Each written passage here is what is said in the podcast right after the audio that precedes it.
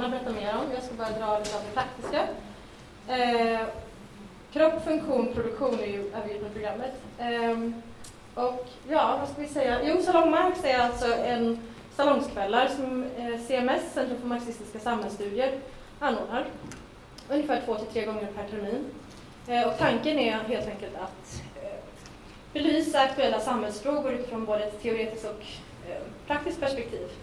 Så då har vi ofta ett par teoretiker och ett par aktivister ehm, eller folk som arbetar i de respektive frågorna som berörs som får komma och prata och ge sitt perspektiv på den specifika frågan eller temat som vi belyser. Ehm, och eh, upplägget brukar vara att ehm, de får ge sina 20-30 minuter på ämnet och sen avslutas med någon slags gemensamt samtal. Vi vill gärna uppmuntra till att publiken ställer frågor och diskuterar med panelen och så Ja, och kvällen kommer också spelas in som podd så det går att lyssna på sen och dela och så vidare.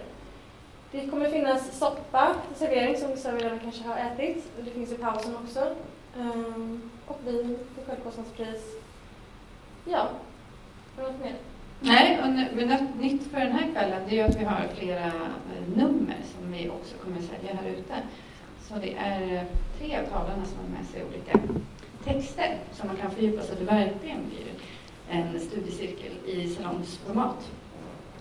Eh, och det här förra temat så hade vi facklig organisering och så följer vi upp med lite mer teoretiskt och nu är det kroppen, produktionen och funktionen. Och då har vi bjudit in några olika personer för att fördjupa temat, i sina perspektiv. Från början hade vi kanske ett lite mer arbetsmarknadsperspektiv och nu har vi eh, riktat in oss eh, lite extra på konsten.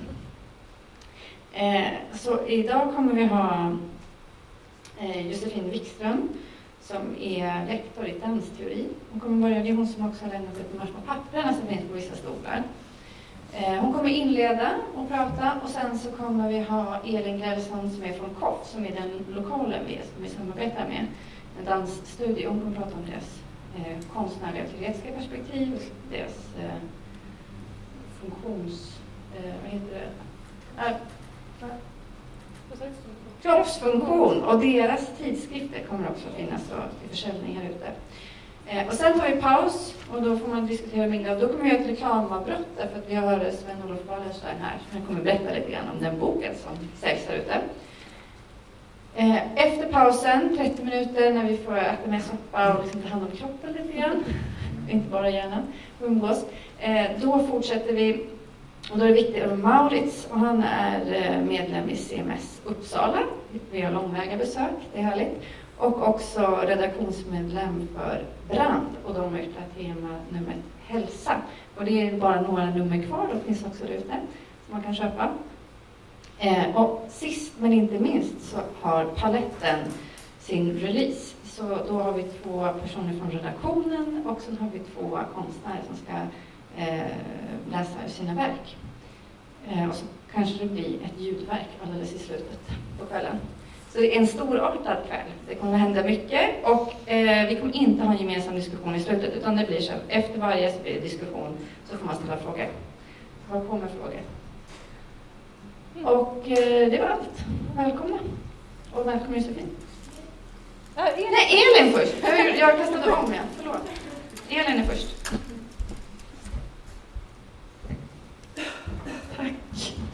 Eh, ja, jag tänkte säga någonting kort om platsen som ni befinner er på och organisationen som eh, platsen tillhör och också lite vad vi har jobbat med som rör just kropp och funktion och produktion. Eh, vi är, som ni märker eftersom ni alla har varit tvungna att ta av er skorna, en dansstudio med eh, dans, dansgolv Eh, och här har vi både residens och uthyrningar för repetitioner. Vi har samtal, studiecirklar eh, och både, eh, både för repetitioner men också olika former av, av, konst. Sen har vi också här utanför ett bibliotek som heter Reading Edge som är ett konstnärligt bibliotek med inriktning på koreografi och sen så driver vi också egna projekt som både är konstnärliga och teoretiska. Och ett sådant projekt som vi arbetade med mellan 2014 och 2018 är kroppsfunktion. Eh, kroppsfunktion fick stöd av Allmänna arvsfonden och där så eh, vi utgick vi lite ifrån just att vi är i en, Eh, i en danslokal och vilka som kom hit och att det var en ganska eh, likartad grupp. Och så började vi utifrån en frågeställning om hur skulle samhället se ut om så kallade funktionsnedsättningar istället betraktades som en specifik kroppsligt erfaren kunskap och expertis? Och utifrån det så började vi jobba väldigt praktiskt. Eh, tillsammans med gymnasiesärskolor och dagliga verksamheter så arbetade professionella dansare och koreografer tillsammans för att mötas och kommunicera genom kroppar och lyfta fram kommunikation genom kroppar. Eh, och det viktiga här var just att, att den funktionsnedsatta kroppen fick vara normen. Och också där personer med kognitiva och neuropsykiatriska funktionsnedsättningar fick vara normen. Det vill säga, vi upptäckte ganska snabbt att det här handlar inte bara om kroppen utan också om att eh, låta deras behov, deras sätt att uttrycka sig, sätt att uppfatta tid, sätt att arbeta, att det var det som fick vägleda och styra arbetet. Det vill säga, du kunde komma in i rummet och det ställdes inga krav på dig. Nu ska vi ha en dansklass, nu ska vi göra de här rörelserna. Utan det räckte med att du som deltagare just kom in i rummet. Eh, och det kunde vara deltagare som under en hel termin där man sågs en gång i veckan. Eh, varje gång ställde sig i ett hörn och tittade in i väggen och eh, inte gjorde någonting mer. Och då var det, det var också en form av deltagande. Eh, och sista tillfället så kanske personen vände sig om och tittade ut mot rummet. Och då hade någonting hänt.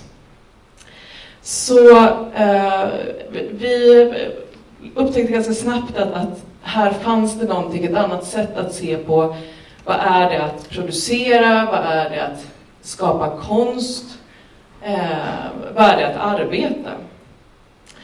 Eh, vi använde oss av krypteori som teoretiskt ramverk, eh, det vill säga teoretiska perspektiv för att analysera normalitet och makt, främst då ur ett funktionsnedsättningsperspektiv. Eh, det här projektet eh, utmynnade bland annat i flera föreställningar. Bland annat en som heter Imperfekta koreografier som valdes ut till scenkonstbiennalen 2017 i Norrköping. Men det utmynnade också i flera publikationer och i studiecirklar. Och där så tog vi det här som vi liksom upptäckte i det praktiska arbetet och började försöka sätta ord på det och utveckla, och utveckla det teoretiska ramverket kring det. 2015 så kom Kroppsfunktion en antologi. Redaktör Frida Sandström som sitter där. Eh, och där så var skribenter både koreografer, eh, pedagoger, konstnärer men också deltagare från gymnasiesärskolan Kungshaga. Och där handlade det just mycket om eh, normalitet och makt och utrymme att uttrycka sig. Men kroppsfunktionprojektet växte, väckte också en massa tankar om arbete och deltagande och språk. Just det här att räknas det som ett deltagande om man är i ett rum och står och tittar in i väggen en hel termin? Och vad är det att arbeta med någonting och måste det leda till ett resultat? Eh, och vi såg att det både fanns en konstvärld men också ett samhälle som eh, mycket arbetar utifrån tankar om produktion och resultat. Det finns tydliga sätt att avgränsa vem som är passiv, vem som är aktiv, vem som är deltagare. Eh, hur vi förväntas kommunicera, hur vi använder språk. Och det här utmynnade i en antologi som heter Från utsidan. Och där så fördjupade vi just de här eh, temana kring deltagande, arbete och språk. Och med från utsidan ville vi också ta in just röster utifrån som eh, kunde fördjupa sig i de här teman. Så vi bad författare, skribenter och forskare att skriva, Eh, bland andra översättaren John Swedenmark, litteraturvetaren Evelina Stenbeck, konstvetaren Ann-Charlotte Glasberg Blomqvist och Josefin Wikström som ni alldeles strax ska få lyssna på. Och så fick de fördjupa sig i just de här eh, tematikerna i varsina essäer och texter. Och utifrån den här antologin, kroppsfunktion och trådbyggen eh, från utsidan, så hade vi sen förra våren en studiecirkel där vi läste och diskuterade de här temana och bjöd in författare från antologierna. Och varje session som vi hade då eh, dokumenterades också av en av deltagarna. Och den dokumentationen fick sedan utmynna i fristående texter som i sin tur resulterade i första numret av vår tidskrift Crip Journal. Eh, ska jag ta ett konkret exempel så eh, skrev Josefin Wikström om arbete och konst ifrån utsidan. Eh, hon pratade utifrån den texten på en studiecirkelsession och utifrån det så skrev jag sen en essä om konst som motstånd och mätbarhet i Grip Journal. Så vi arbetar hela tiden med att försöka fördjupa, utveckla, bygga trådar som får leta sig vidare på olika sätt. Ehm, och alla antologier och texter går att läsa helt fristående ehm, från det här praktiska arbetet eller föreställningar och så vidare. Ehm, så vi kommer sälja publikationerna alldeles här utanför ikväll. Vill man till exempel läsa Josefin efter att ha lyssnat på henne och tro mig, det vill man, så går det att göra i, från utsidan. Och Crypt Journal är egentligen en nättidskrift, men just ikväll så har vi tryckt upp några eh, fysiska exemplar av tidskriften, så den går att köpa.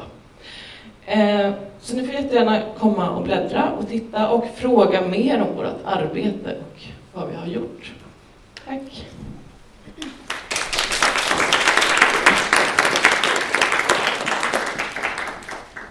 Eh, det är lugnt, jag ser faktiskt. Ja, så, hej!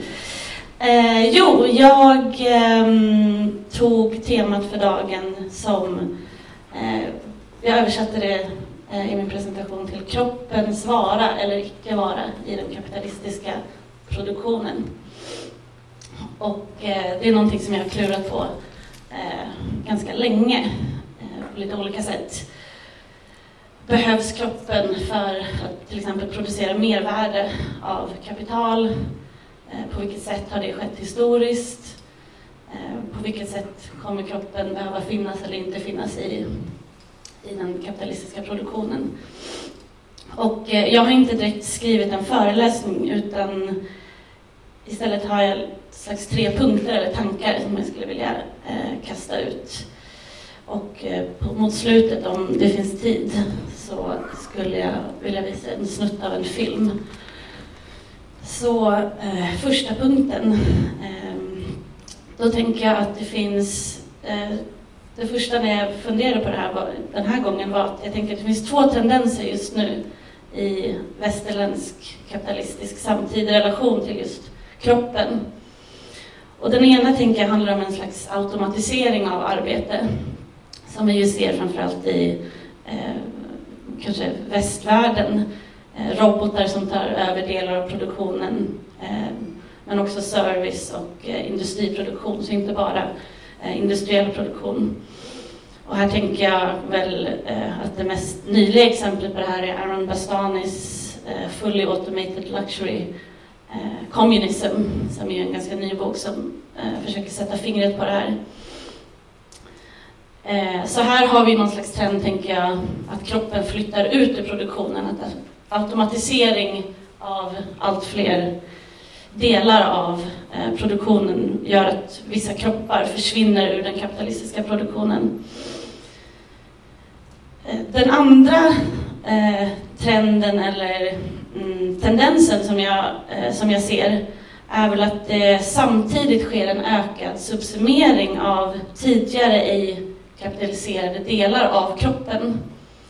Och här tänker jag då på å ena sidan, eh, som jag har hållit på eh, ett tag då, eh, hur eh, tidigare i delar av eh, det kapitalistiska arbetet som städning eller omhändertagande av barn.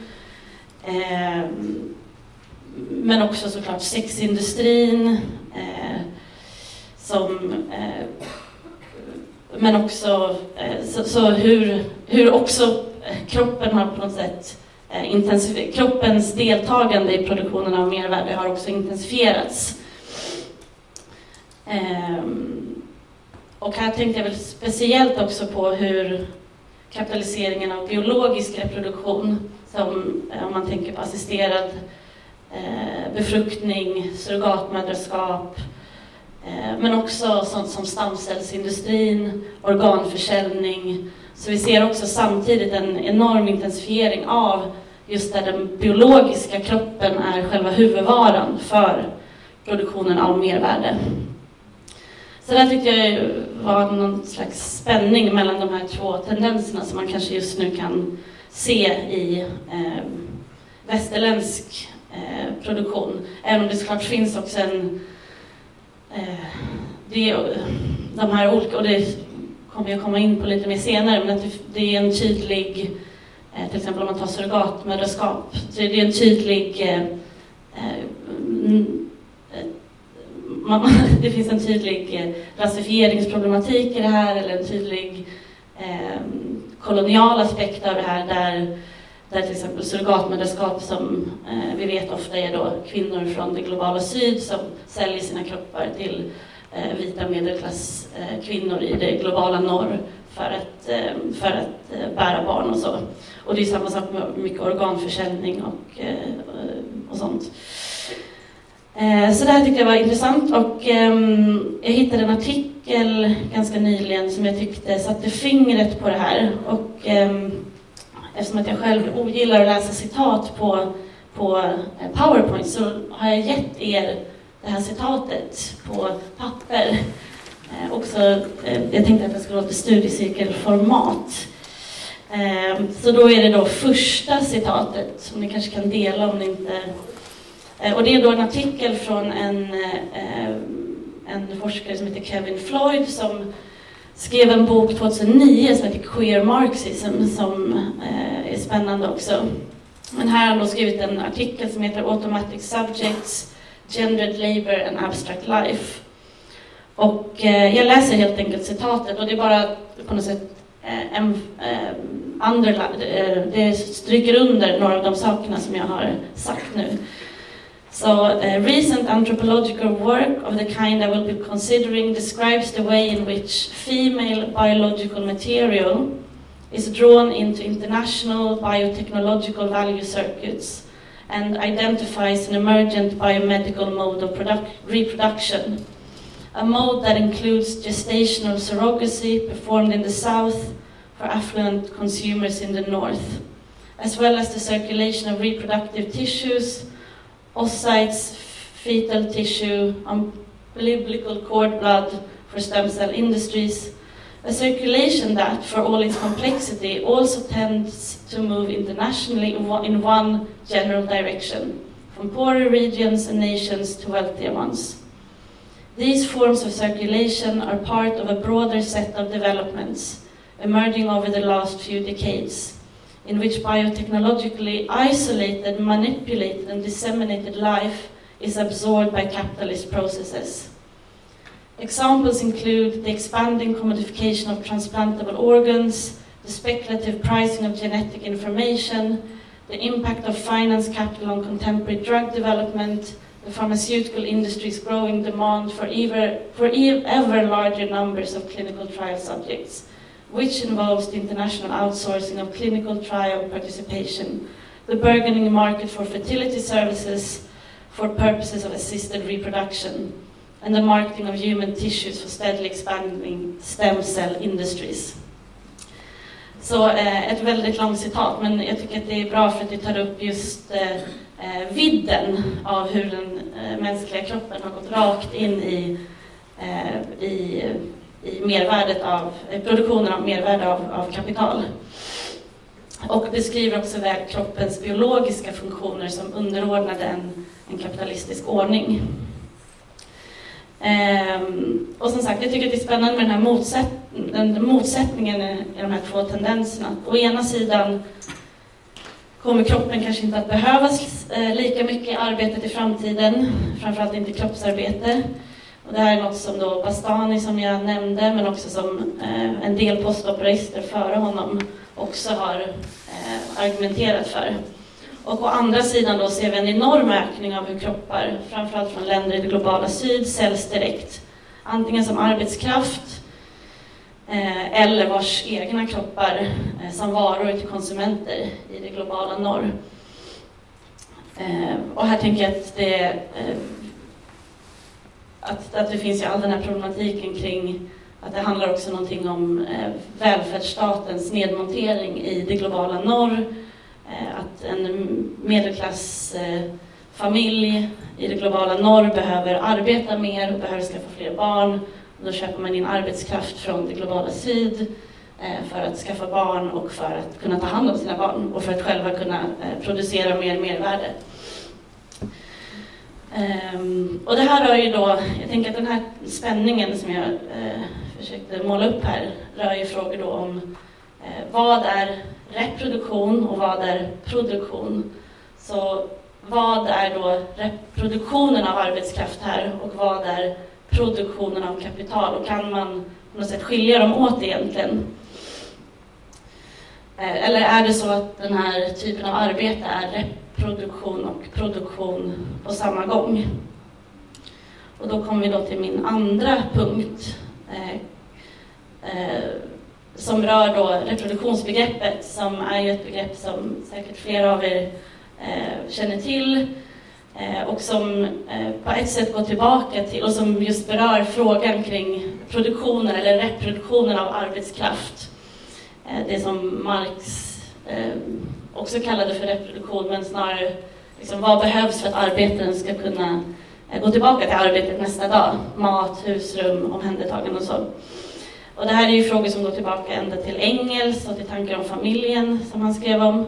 Men också tänker till socialistiska tänkare som Clara Zetkins och Alexandra Kollontaj och så.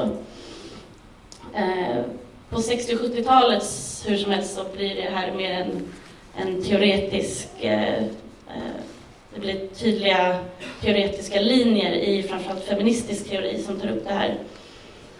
Och då har vi bland annat en italiensk del med tänkare som ni också har hört talas om, Dalla Costa och Fortunati och Federici och så.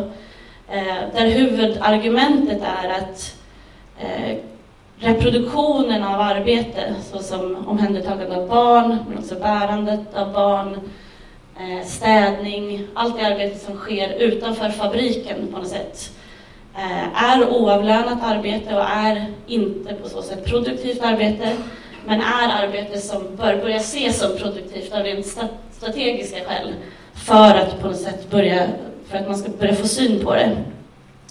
Och eh, då drevs det framförallt en kampanj som också är välkänd som heter Wages for Housework som handlade just om att försöka inkludera, att försöka tänka det oavlönade reproduktiva arbetet hemma som produktivt Eh, för att på något sätt eh, få syn på det här förtrycket av kvinnor som både gick till fabriken men som också skötte om barnen, om man tar det väldigt praktiskt. Mm. Eh, och deras kritik av Marx var ju såklart att han bara fokuserade på det produktiva arbetet och ignorerade arbetet som redan förutsatte det produktiva kapitalistiska arbetet. Och då började man prata just om det som reproduktivt arbete. Det fanns också under ungefär samma tid, men kanske lite senare på början på 80-talet, en fransk och en amerikansk del av det här. Jag tänker som Delphi och Vogel. Ehm, där man istället för att kanske ville dela upp idén om att det är en viss del av arbetet som reproducerar arbete och en annan som producerar kapital, så vill man istället tänka eh, allt arbete som eh, reproduktion. Ehm, och man vill också på något sätt betona förtrycket av, inte bara mellan, eh, mellan könen utan också med, mellan olika raser. Eh, och man ville tänka liksom allting som en slags, idag skulle man kanske prata om det som intersektionalitet eller försöka tänka förtryck, alla möjliga sorters förtryck i en och samma eh, lins. Och här tänker jag rent utifrån feminismens historia så här kommer då in, här blir det någon slags blandning av marxism med kanske mer poststrukturalistiska marxister som Althusser och, och Gramsci och så, att det, det, är något som händer inom feminismen där. Ska vi se vad det ligger till med tid. Ja. Um, hur som helst, begreppet reproduktion sätts på kartan väldigt explicit under de här åren. Eh, sen finns det ju då en ganska nyligen samtida falang och utveckling av reproduktionsbegreppet i något som brukar kallas för social reproduction theory. Och eh, det leds bland annat av tänkare som Nancy Fraser, Titi Bhattacharya och eh, Sinizia Arutza. Och de har också skrivit ganska nyligen ett, femini ett eh, feministiskt manifest eh, for the 99 percent. Och man kan säga att huvudtanken här, jag nu bara summerar alla de här olika linjerna väldigt eh, snabbt för att vi ska kunna kanske tänka vidare tillsammans senare. Men eh, huvudtanken här är väl framförallt att eh, liknande vissa av feministerna på 80-talet, att det vi måste börja göra om vi ska titta på olika sorters förtryck i samhället, men också skillnaden mellan Eh, arbetare och kapital, är att vi måste börja se allt arbete som reproduktivt. Så eh, i, i deras fokus är verkligen eh, att man måste tänka på arbete som utförs i skolor, eh, på sjukhus, eh, på arbetsplatser, att på något sätt att slå ihop och tänka allting som ett reproduktivt arbete av eh, det samhälleliga arbetet. Och det är endast på det sättet som vi på något sätt kan börja förstå helheten i det här. Så här kan vi se att de, eh, deras förståelse av reproduktion, eh, tanken med det är på något sätt att sätta fingret på att få in mer olika dimensioner av förtryck, men också försöka tänka vidare kring eh, liksom vilka det är som går in med sitt arbete för att reproducera som, ehm, och vilka som inte gör det. Men här också så kollapsas ju distinktionen ganska totalt mellan kapitalistiskt arbete och icke-kapitalistiskt arbete, eller produktivt arbete och icke-produktivt arbete som, som, eh, som Marx sätter upp ganska eh, tydligt. Eh, och då kommer vi till andra citatet. Eh, då kan vi titta på deras, då finns ett ganska kort citat, eh, men då säger, är precis, eh, hennes kritik av Marx då. Labour expanded, expanded in the production of commodities at the point of production and the labour expended for the production of people or workers who produce such commodities are part of the same capitalist totality and are intrinsically relational. Så det här är intressant. Det hon säger här är just då att själva arbetet att producera människor i stort sett, oavsett om man bär barn eller om man tar hand om barn på förskolor eller eh, som föräldrar eller icke-föräldrar. Den sortens arbete Eh, är intrinsically, relation, eh, intrinsically relational och är del av the same capitalist totality. Ehm, så att här ser de verkligen hur man, att, att det går inte att skilja på det som det här arbetet som är något slags förarbete för att kunna få folk i, i produktivt arbete. Och eh, man kan också säga att en viktig del av den här mer samtida falangen, eh, ett viktigt argument för sociala reproduktionsteoretiker är det som Nancy Fraser, som vi generellt har skrivit, eh, kommer mer från sociologin och kanske statsvetenskap, men eh, hon har skrivit mycket om nyliberalism. Det hon kallar för a social reproductive crisis tendency, alltså en kris i reproduktionen och det hon framförallt riktar in sig på här är hur nedmonteringen av välfärdsstaten i, i och med nyliberalismen, om man tänker privatisering av sjukvård, av skolor, eh, av sånt som kanske tidigare drevs eh, offentligt eller statligt eller man kan använda olika termer beroende på vilket land man är i. att eh, när den nyliberala staten drar, tillba- drar sig tillbaka Ehm, då blir det en kris i reproduktionen eh, för att eh, de här tidigare statliga arbetena, eller hur vi nu ska, offentliga arbetena, blir privatiserade. Eh, så, så, som hon säger, att de går på knän. Och det är det här som sen då skapar också kedjor, hon, vad hon kallar kedjor av förtryck från globala norr till globala syd. Att om man inte får en förskola i det globala norr så har man pengar så köper man in en, en, en nanny från det globala syd för att Mm, så det man kan säga är att social reproduktions, eh, reproduktionsteori, de både kritiserar men tar ju också från Marx. Eh, och då tror jag vi kommer till det sista citatet, där, ska vi se vem som, det är också. Då säger de att Marx clearly marks for us the pivotal role played by labor power. Så labor power är arbetskraft. Uh, for, for it, is, it is that which in effect sets the capitalist production process in motion.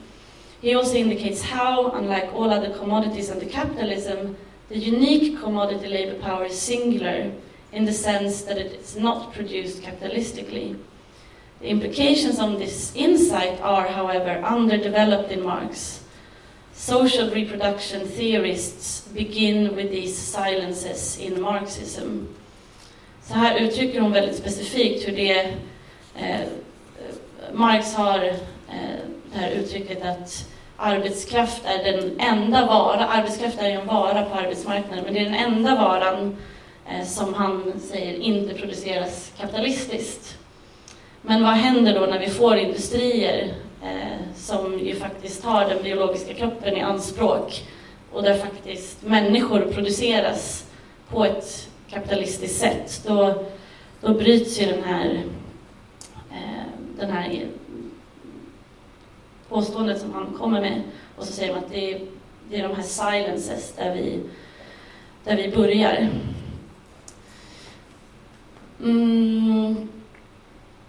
Så det man kan säga är väl att eh, reproduktionsbegreppet eh, på det som är intressant att kanske titta först på reproduktionsbegreppet så som det inom feministisk teori som det tog sig på 60, 70, framförallt 70 80-talet.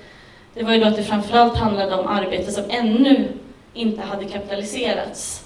Som omhändertagande av barn eller städning och så. Eh, men som var en tydlig förutsättning för det kapitalistiska arbetet. Eh, många av de italienska tänkarna beskriver liksom hur deras män, de och deras män går till fabriken men att eh, kvinnorna går också hem eh, på kvällen och städar och lagar mat. Och, så det var ett sätt att, att belysa den här kampen, den här o, o, ojämna fördelningen av arbete också mellan könen. Eh, så där användes ju reproduktion som ett sätt att bli en slags politisk manifestation. Idag är det sånt arbete som eh, har kapitaliserats genom serviceindustrin och vad som ofta brukar kallas för pink collar work, eller ibland feminiserat eh, arbete. Och det är en enorm industri idag. Mm. Också någonting som vi ser Eh, Ehm, i Sverige ehm, i till exempel introduceringen av RUT och expansionen av RUT och så, att man också ökar intensifieringen med det här. Och kritiken av Marx då, som jag nämnde, är ju just att han endast intresserar sig för produktivt arbete snarare än det som förutsätter det produktiva arbetet. Jag undrar vad jag ska göra nu. Tio över. Jag tänker att ehm, jag skulle säga några saker om Marx förståelse av eh, produktivt och reproduktivt arbete, men jag bara gör det jättesnabbt. Ehm, Marx, så det är liksom tredje punkten, så att de, många av de här jag tänker att reproduktionsbegreppet är, eh, är användbart för att tänka kring de här frågorna som jag försökte belysa i början med den här spänningen mellan behövs kroppen i produktionen av mervärde eller behövs den inte? Ehm, det som man bara kan eh, nämna med Marx är att själva begreppet reproduktivt arbete hittar man inte i hans eh, texter överhuvudtaget. Däremot hittar man eh, reproduktion. Och man kan säga väldigt enkelt att för Marx, och där säger han på flera ställen, i alla fall både i kapitalet 1 och volym 2, att han säger ungefär så här att alla former av social produktion, oavsett om det är socialistisk, eller kommunistisk eller kapitalistisk, har också moment av reproduktion. De behöver reproducera sig själva. Så för honom är det på något sätt väldigt enkelt att reproduktion betyder någonting som reproducerar produktionen. Eh, så, en ganska så eh, enkel idé kring, kring eh, de, de begreppen. Och det som såklart är viktigast det som, man, det som eh, Marx framförallt gör och som eh, då kritiken av Marx ibland tar med, men av de här feministiska tänkarna, men ibland inte, är just att om kritiken av honom är att han inte, eh, att han inte eh, tar in då det reproduktiva arbetet. Det är just för att det är det som är hans uppfinning på något sätt. Det är gränsdragandet. Var börjar den kapitalistiska produktionen? Och det är det han på något sätt, han är på något sätt helt ointresserad av hur arbeten uppstår. Det säger han till och med i kapitel 16 eller vad det är. Att jag är ointresserad av hur arbetaren, varför hen eh, står på arbetsmarknaden. Den står på arbetsmarknaden och säljer sin, sin arbetskraft. Jag är intresserad av den ojämlika relationen mellan den som äger kapitalet och den som säljer sitt arbete. Eh, det är liksom det, eh, det, är liksom det hans eh, kritik. Det är det som är kritik för honom. Det är det som är hans eh, uppfinning, skulle jag säga. Men som sagt, det är, då, det, är det, de här, eh, det, är det feministiska tänkare med då rätta och med, eh, de säger att de börjar i denna tystnad från Marx, den här liksom gränsdragningen. Men frågan är också när man tar bort den här gränsdragningen, vart man hamnar istället. Och sen vill jag bara avsluta med att säga att, att ehm, det är intressant också att tänka, om man ska tänka kring vad har kroppen för roll inom kapitalismen idag? Så det är också, eh, det är lite samma, eh, det blir ju lätt att man sådär, ja ah, det är så nytt att kroppen är liksom i centrum av, eh, om man tänker de här industrierna som, vi, som jag nämnde i början. Men om man tänker till exempel på det industriarbete som Marx studerade i England, så var det ett extremt, som vi vet, kroppsarbete som höll på Eh, bra mycket längre än vår reglerade arbetsdag eh, idag. Men vi kan också tänka eh, det kroppsarbete som förekom i kolonierna, som ju också var en förutsättning för utvecklingen av, av kapitalismen. Så det är också tänker att man måste tänka den här frågan om kroppens vara eller icke vara i den kapitalistiska produktionen på ett historiskt sätt. Och reproduktivt arbete. Ehm, så Um, ja, men jag tror jag slutar där så kan man ta upp fler frågor sen. Tack så mycket.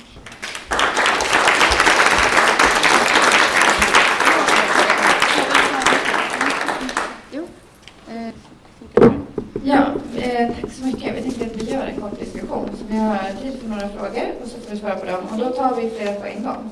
Eh, jag vill ställa en fråga. Ja. Eh, och det är kring aktivistiska strategier om vad du ser för, vad det finns för strategier mot eller för den här typen av problem. Men jag tänker för house, uh, wage for housework mm. till exempel. Eller handlar det nu om att man ska liksom skydda viss typ av arbete från att kapitaliseras på vilket sätt? Om du har några exempel. Det är en fråga, men vi tar, vi tar några på en gång.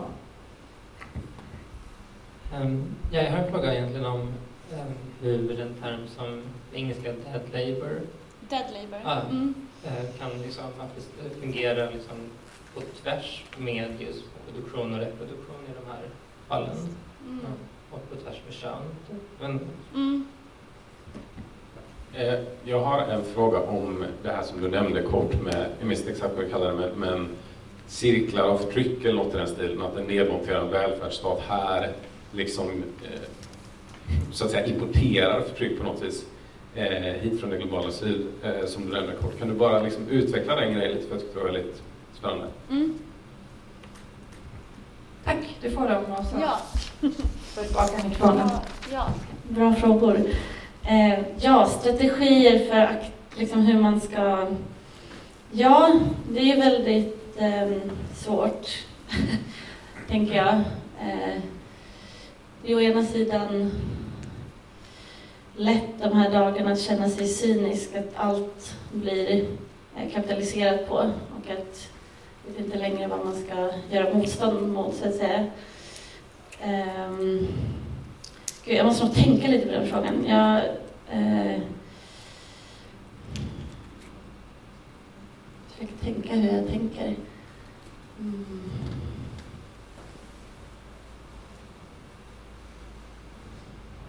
Gud, det här var tre svåra frågor. Jag börjar med den sista frågan, för det känns som att den eh, eh var enklast, eller på något sätt.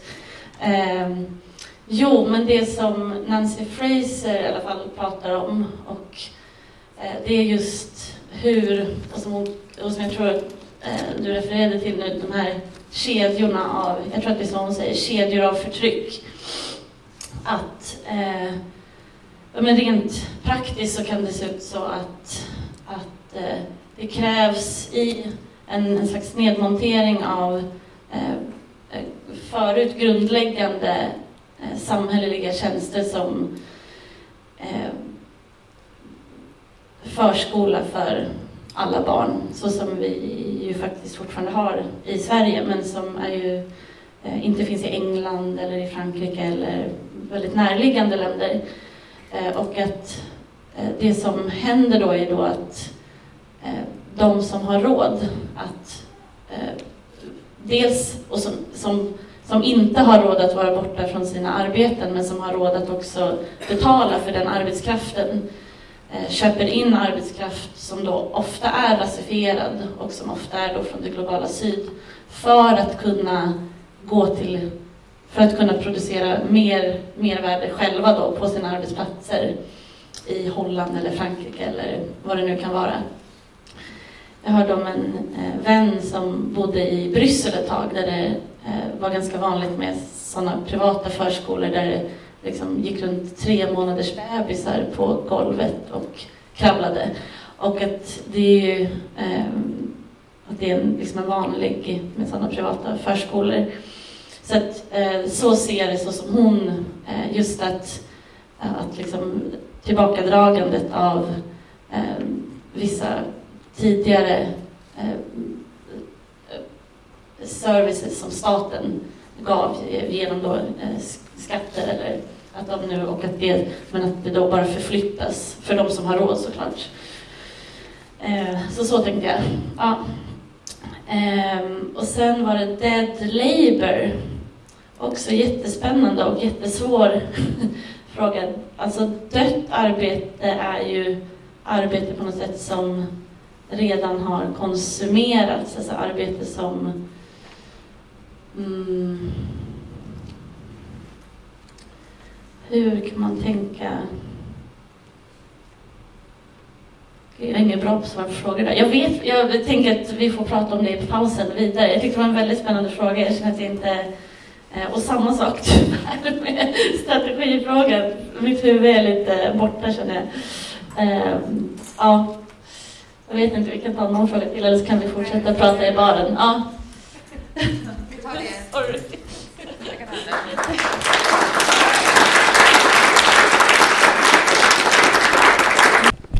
Ja, tack så mycket.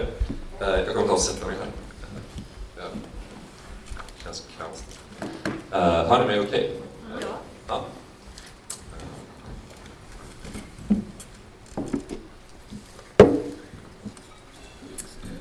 Okej, okay. Ja, uh, stort tack till Majsa och uh, Johanna. Johanna för inbjudan. Det känns jättekul att få vara med här. Stort tack till Josefin för den här superfina presentationen. Innan pausen, kom som eh, ni kommer märka så finns det väldigt många beröringspunkter mellan det jag kommer säga och det som Josefin sa. Eh, det känns ju kul. Jag hoppas inte det är för likt, men jag tror, jag tror inte det. Jag eh, är som sagt medlem i redaktionskollektivet Brand. Vi eh, är liksom i den inte exakt nuvarande konstellationen, men den nuvarande ständigt i förändring redaktionen eh, har hållit på och gett ut brand i tio år nästa år.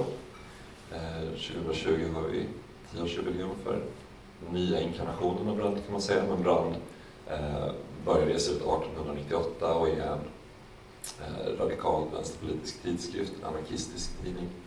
Står det på den olika, många olika redaktioner genom åren förstås. Eh, och eh, man kan säga att det är en, en tidskrift med en aktivistisk prägel.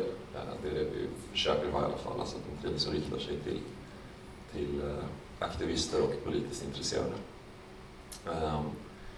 Det kommer fyra nummer om året av Brand eh, och jag blev inbjuden eftersom jag var medredaktör tillsammans med Elise Jakobsson, Victoria Andersson och Miranda Cox för eh, förra numret av Brand då, eh, som finns till försäljning här ikväll, nummer tre, Hälsa, som kom ut i oktober.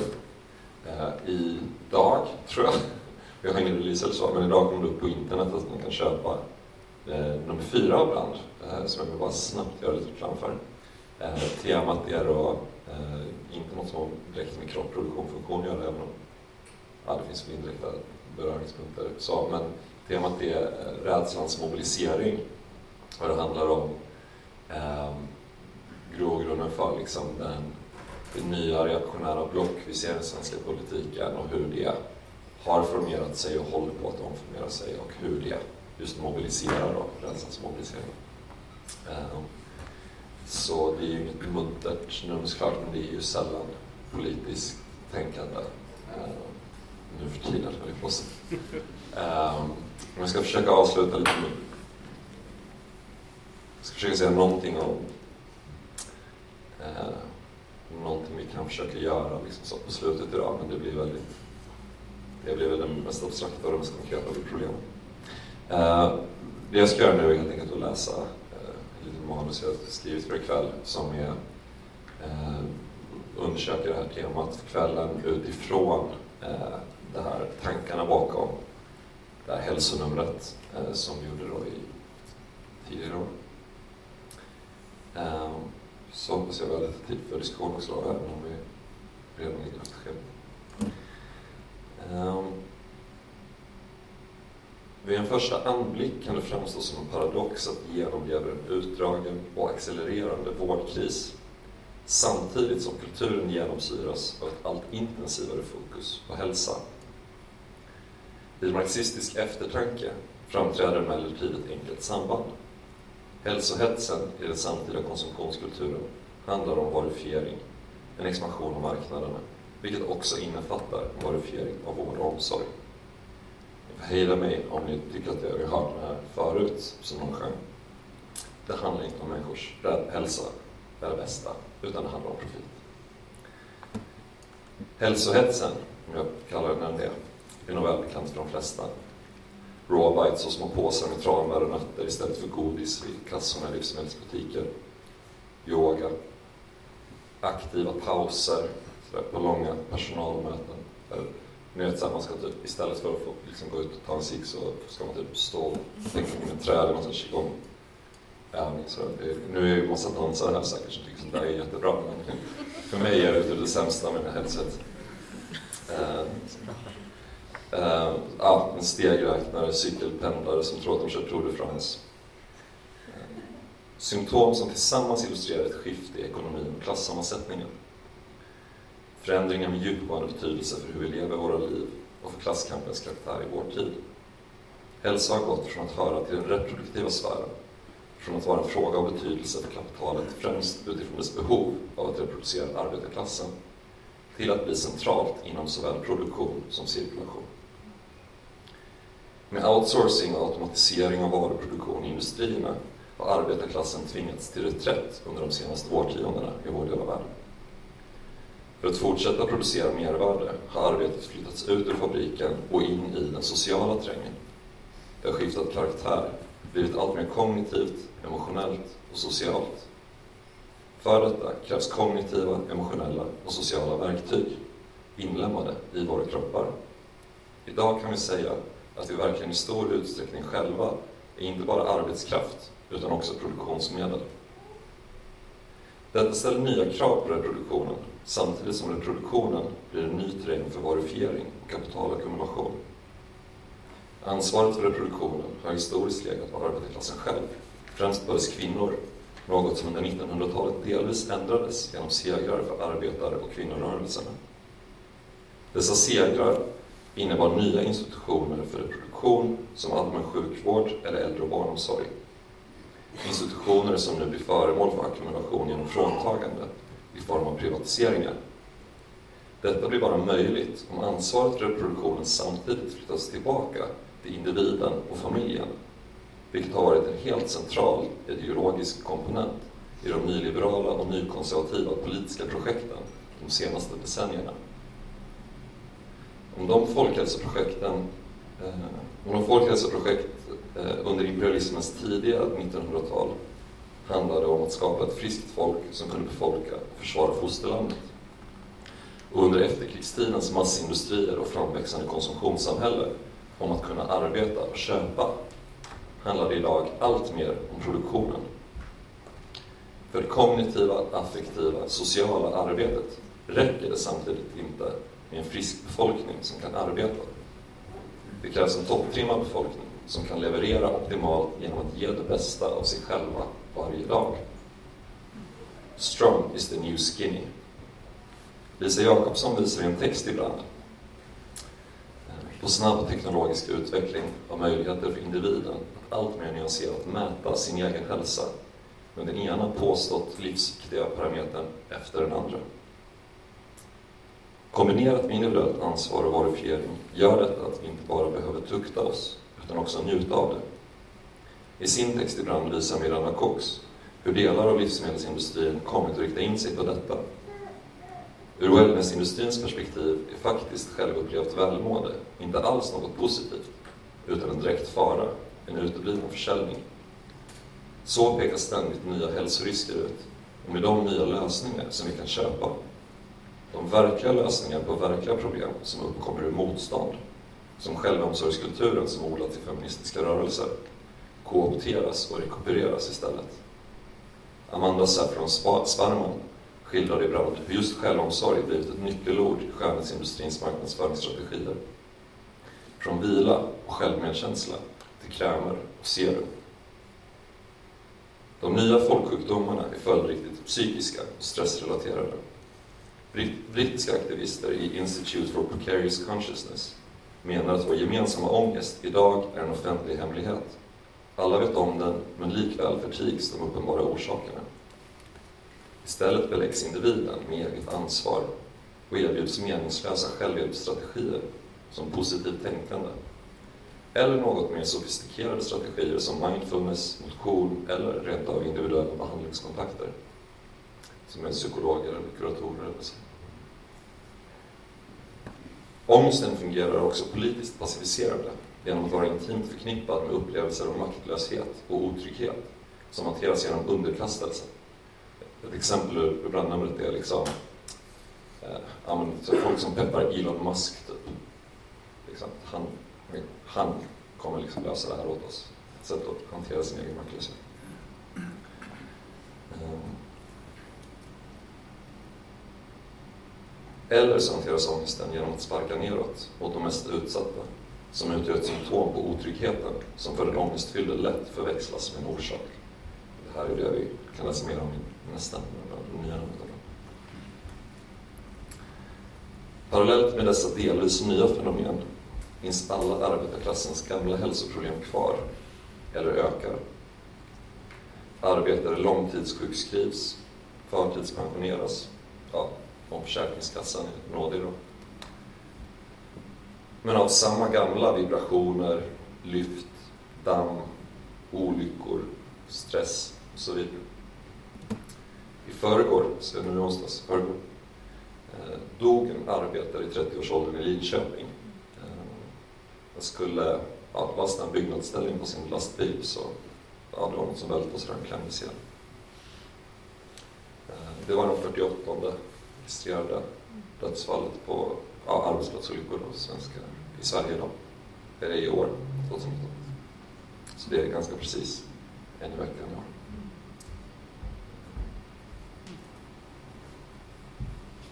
För ett numera institutionaliserat skikt av arbetare utan uppehållstillstånd och därmed utan olycksfallsstatistik eller rättigheter är villkoren än hårdare ur hälsosynpunkt och lönerna förstås lägre. Detta skikt kan samtidigt reproduceras eftersom pengarna skickas tillbaka till familjer i länder där kostnaderna för att föda upp ett barn är låga nog. Kvinnor från dessa länder reproducerar samtidigt inte bara sina egna barn obetalt, eller sina barnbarn obetalt ofta. Eh, alltså far och morföräldrar som är kvar i, i eh, hemlandet. Eh, utan i allt högre grad även medel och överklasserna i kapitalismens centrumländer. Dessa tar eget ansvar för hälsa och reproduktion genom subventionerade köp av hushållsarbete, privata sjukförsäkringar som ger förtur till huvudsakligen skattefinansierade privata kliniker, friskvårdsavtal som marknadsförs med att öka produktiviteten och gymkort på dyra kedjor som lockar med att bli en bättre kollega. Det är en riktig reklamkampanj som en gymkedja går in med reklam. Kör. Som jag själv är kund på. Liksom. De Det ligger väldigt bra till sen när mitt jobb så jag kan gå och simma. All. Vi gör alla delar här på något sätt. Så min, min bikt liksom. Man ska att göra. det. Eh, ökad produktivitet i högre ålder, uh, ja, den här gruppen då liksom, uh, motiverar tillsammans med de ökade totalkostnaderna för den privatiserade vården och omsorgen vilket ökar rätt mycket så. Det finns en jättebra rapport av Göran Dahlgren, en bok av Göran Dahlgren egentligen som kom på Arena Idé förra året som visar väldigt tydligt på hur, hur mycket dyrare skattepengar som privatiseringarna blir. Det blir liksom, de är väldigt kostnadsdrivande i sig på olika sätt.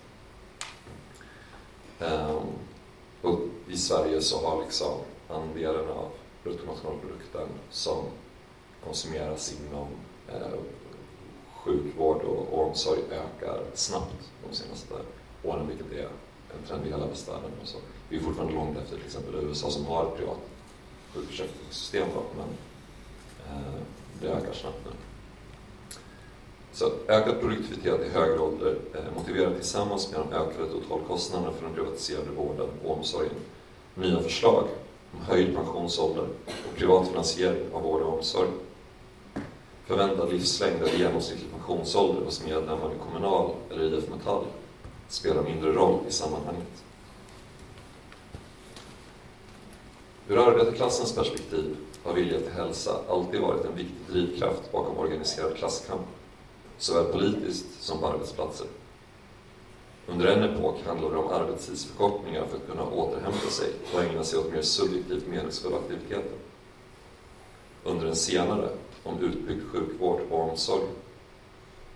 Situationen idag innebär på många sätt att vi återigen är mer prekära. Samtidigt kan vi också se som mer makt, då kopplingen mellan ägande av kapital och kontroll av produktionsmedlen, det vill säga oss, undergrävs i takt med att arbetet skiftar karaktär.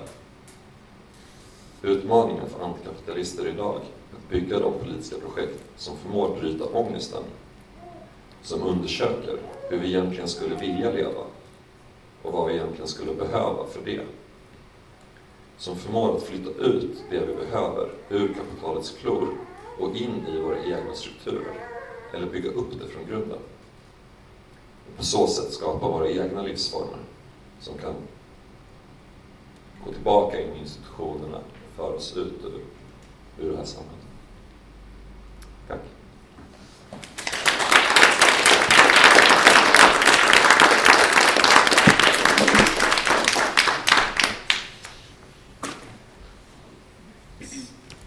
Jag höll min egen tidsplan ganska bra, så vi har lite tid tror jag, hoppas jag. Ja, det blir diskussion. Ja, så säg det du vill säga. All right. ja. Jo, Victor, du är ju också psykolog. Gola det. Nej, men du är med i Socialistiska psykologer. Ja. Eh, så jag är lite nyfiken ändå på det här um, hur man kan kombinera det mer eh, individuella perspektivet, eller mikroperspektivet, med systemkritik. Och hur man kan arbeta för det här att du skulle ge lite mer utblick i slutet. Så Mm. hur kan man kombinera utifrån en sån nivå? För det är ofta ändå där som vi som enskilda aktivister eller eh, grupper liksom börjar någonstans. Mm. Nej, det blir okej. Vi, vi kan ta det på en gång så får vi... Ja, okej. Okay. Uh, ja, men det finns en enkel utväg för mig i den här frågan som är uh, något som finns med i, i det här brandnumret då, som är just nu av Institute for Precarious Consciousness då, som heter Alla har vi ångest. Uh, och den handlar ju om, kan man säga då, att i den menar på något sätt att om vi tittar på liksom tre, en periodisering med tre huvudsakliga epoker av revolutionär klasskamp Eh, så har det funnits en dominant effekt eh, i kapitalismen för var och en av dem som på något sätt har haft att göra med hur produktionen är organiserad. Eh, den första var liksom elände, eller som misery som skrivs på engelska ursprungligen. Alltså om vi tänker liksom ryska revolutionens liksom klassbas och så arbetarna i Petrograd eh, som bildade Sovjet där, liksom, de kämpar mot elände på något sätt. Vi behöver liksom, gärna lite mindre nattarbete för barn. Så den sortens. Eh, sen så fanns det liksom en senare epok som kanske liksom kring 68-rörelsen och sådär, eh, som kämpade mot långtråkighet som var liksom välfärdsstatens dominanta effekt. Så var, varför led folk under välfärdsstaten? Det var liksom en långtråkighet i det här samhället. Det var liksom så äta, sova, dö. Um, det är ju en film om den nuvarande klassmakten, men, ja, men det är ändå lite så. Och mycket av de kamper som fördes då eh, riktades mot den långtråkigheten, mycket av det som blev framgångsrikt riktades mot den, liksom. Om så kravallen typ, och liksom den fria kärleken. Alltså, liksom, sådär. Eh, och det de menar är att idag då under liksom, prekariteten, eh, nyliberalismen, postmoderniteten, vad vi än kallar liksom, rådande tillståndet, så är den dominanta effekten ångest, eh, som är särskilt. Och det de menar är att det precis som revolutionärer på något sätt hittade praktiker som kollektiviserade upplevelsen av elände eller kollektiviserade upplevelsen av långtråkighet och erbjöd ett alternativ. På något sätt är det det vi behöver leta efter idag. Eh, sätt att kort benämna det faktum att vi all, alla har vi ångest. Eh, det är liksom utifrån allmän stressen vi har, vi, vi drabbas av idag. Eh, sätt att kollektivisera eh, hanteringen av den. De pratar om så här, alltså så stödgrupper kopplade till politisk kamp på något sätt. Men det här är liksom väldigt så här, på experimentstadiet. Liksom. Det här är det vi behöver utveckla. De pekar på det. Liksom. Så det är inte så att gå med i det här initiativet. Vi har liksom inte de här initiativen riktigt. Men det är ett förslag som de kommer som jag tycker är spännande. Ja. Eh, det kanske är en liksom, lite tråkig fråga. Jag tänker att det kommer, men alltså så här, det är frågan om rekuperering på något sätt liksom om, alltså på något sätt alla, alla om, liksom i den historieskrivningen om det var liksom misären och sen gick folk lite bättre. Det var liksom på något sätt det som var liksom eh, grunden i den fasen av kapitalismen på något sätt. Um, och sen de andra hade långtråkigt och sen nu måste man nästan ha roligt och ha därför ångest om man liksom säger så. Um, hur kan man liksom det här är liksom känns en jättestor fråga, men hur kan man då tänka i de här experimenterande formerna liksom, eh, på sätt som inte bara kanske ger kapitalismen bättre redskap eller mm. att, eh, att få oss att fortsätta arbeta? Alltså, är det någon som har något förslag? Tänkte liksom gemensamt så. Eller ett, ett, du har ju helt det är ju en jätterelevant fråga. Liksom, som jag säger, det här sker ju redan på något sätt. Alltså vi ser kring också, om vi tar typ just själv, alltså, alltså just stödgruppsgrejen så, det är ju inget de tänker, det här är något vi måste kunna, de pekar ju på, den idén kom ju till dem från den feministiska rörelsen, så det var ju någonting man började med där redan på 60-70 alltså, det, är ju en gammal idé på ett sätt. Eh, och den rekupereras ju, som jag tog upp också, alltså det här med eh, så här, självomsorg, att köpa en serum för en fantasisumma på det. Alltså, det där händer ju hela tiden. Liksom. Om vi pratar om... Eh, om jag är psykolog då, som sagt, jag blir fruktansvärt provocerad eh, av reklamkampanjer som Kry har haft inför vårdappen. De hade en som var i tunnelbanan som kommer ihåg, såg den så. Klimatångest? Frågetecken. Prata med en psykolog idag. Eh, de har också kört på Instagram, körde de när det var med Sara Danius, hela den grejen. Då var det så här, får du också ångest av patriarkatet? Prata med en psykolog idag. Hashtag knytblus för Sara. Sådär. Det är jävligt grovt liksom, eh, tycker jag. Så. Men Eh, hur stoppar man dem från det? Alltså jag, jag vet inte. Liksom. Jag får bara så här. Jag vill, jag vill liksom slåss det, men jag, det är svårt liksom. Slå en Instagram-annons. Uh, ja. Um, det var ju spännande om någon hade något förslag, men om ingen har något förslag får man också ställa en fråga. Eller säga någonting helt annat.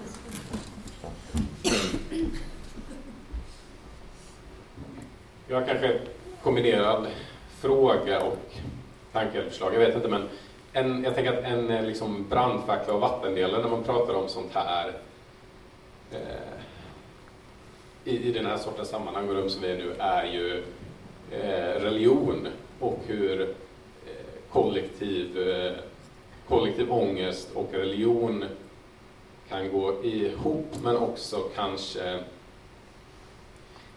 jag vet inte, också kan, att den ena kanske kan hjälpa den andra på något sätt att så här jag tänker att vi, vi pratar om var man kan platser man kan bygga gemensam hantering av, av ångest som alla har och att eh, jag bara tänker hur du och andra tänker kring att i takt med att kyrkan blivit kanske mindre auktoritär så har också den börjat bygga en sådan eh, gemenskap, alltså konkret sådana här grupper helt enkelt, där man samlas och diskuterar. Du, innan, men var det du eller var det någon innan som lyfte mm, Nej, det var jag tar bort. Men, men eh, jag undrar bara hur, man, hur ni här i rummet tycker att man kan se på kopplingen mellan eh, religion och politik i det avseendet att, att eh, religion kan vara ett verktyg för att ge en bild av en annan värld och erkänna ett kollektivt problem. Um, nej, vi vill bara följa upp på den frågan angående... Viktor, du kan uh, sitta ner så finns det en mick här också. Angående strategier uh, som man kan använda för att hantera den kollektiva ångesten. Och någonting som jag tycker är väldigt viktigt, jag vet inte om det är lösningen, liksom, lösningen med stor eld på ångestproblemet, men att när vi pratar om politisk aktivism, eller kanske framförallt när vi bedriver politisk aktivism, eh, så måste vi göra aktivism som vi mår bra av eh, att det finns ett så här asketiskt ideal, eh, tycker jag, som blir väldigt drabbande och som eh, håller många människor utanför en politisk kamp. Människor blir politiskt deprimerade och orkar inte vara aktivister. Och jag tänker att det måste vara precis tvärtom. Att man blir aktivist för att man är politiskt deprimerad. Um, och jag vet inte, jag tänker att när man just ska så här, komma fram till vad man vill göra i sin aktivistgrupp, alltså vad det kan vara, så måste det också vara någonting som man mår bra av. Det tycker jag är en viktig utgångspunkt. Ja, jag håller verkligen med din kommentar och jag tror också den, eh, jag skulle vilja koppla till din slutkläm lite. Där hur, eh, hur man på något sätt kan eh, skapa andra institutioner. Jag tror, personligen känner jag mig mer hoppfull och fri från politisk depression än någonsin. Jag vet inte varför, men det, men det har nog att göra med att jag tycker att vi börjar närma oss en ganska stark polarisering och på något sätt så är det också en utgångspunkt, utgångspunkt för handling eh, som är kanske mer artikulerad än någonsin i, i väst liksom, eller i, i de länder där det har funnits starka välfärdsstater och som man nu börjar liksom på ett väldigt akut sätt börja se eh, krympa. Oavsett valutgångar så, så tror jag att eh, det finns en oro, det finns frustration, det finns en ilska som tar sig uttryck på olika sätt. Och där tror jag verkligen omsorgsfrågan är ett, ett enormt bra chans för vänstern eller för vilket revolutionärt projekt som helst. Om vi tar ett exempel med eh, ryska revolutionen så var det just omsorgsfrågor som var eh, avgörande för att liksom, knyta samman och för att organisera och hantera, jag skulle säga, både leda ångest och misär. Jag, skulle inte, jag gör inte den eh, liksom, emotionella periodiseringen. Jag tror det fanns alla möjliga emotioner på spel under den perioden. Men det som formulerades då, om man tar till exempel Kollontaj som en speciell person som fick det uppdraget att hantera just omvårdnadsfrågor, så var det att organisera vad vi skulle sen kanske se i, i, i liksom socialdemokratiska regeringar som en form av välfärdsstat. Eh, och där, där, där tror jag också att det finns en chans. Om man, om man tar den bollen och så tittar man på ett helt annat perspektiv som vi ofta glömmer bort i de här rummen, som är eh, global hälsa. Hur ser hälsofrågor ut i Tanzania? Det 200, eller i Nordafrika, där 250 miljoner människor då dör av vatten som är, är förorenat med eh, liksom, amöbor som gör att man, man dör. Liksom. Där måste man också organisera sig på ett väldigt speciellt sätt. Och kostnaderna för att hantera väldigt enkla sjukdomar och sjukdomstillstånd är väl egentligen väldigt låga. Men det man jobbar med där är ju eh, information, det är grundläggande materiella resurser och infrastrukturer för de resurserna och eh, access till, till eh, sjukvård. Så att jag tror, kan man på det här liksom, katolska sättet skapa den typen av infrastrukturer som hanterar de grundläggande materiella behoven som på något sätt eh, neoliberal eh, nedskärningspolitik har tagit bort och på något sätt förmedla eller ge tillgång till både kunskap utbildning, information och sjukvård på, på ett billigare sätt så har vi en, en väldigt bra utgångspunkt för något intressant. Ja, det, jag tycker det här var, jag tänkte säga något slutord, det här var ju uppenbarligen de bästa slutorden. Eh, om ni som jag tycker det här var väldigt bra så medverkar även Mikaela i det här numret med en jättebra artikel om precisionsmedicin. Eh, så jag tycker vi stannar där. Men det var någon fråga om religion kanske där då? Eller svar? Nej, jag tycker Mikaela svarade så bra. Ja, och även Miranda innan. Um, tack för uh, att ni lyssnade och kom. Och uh, nu ser jag fram emot release för paletten.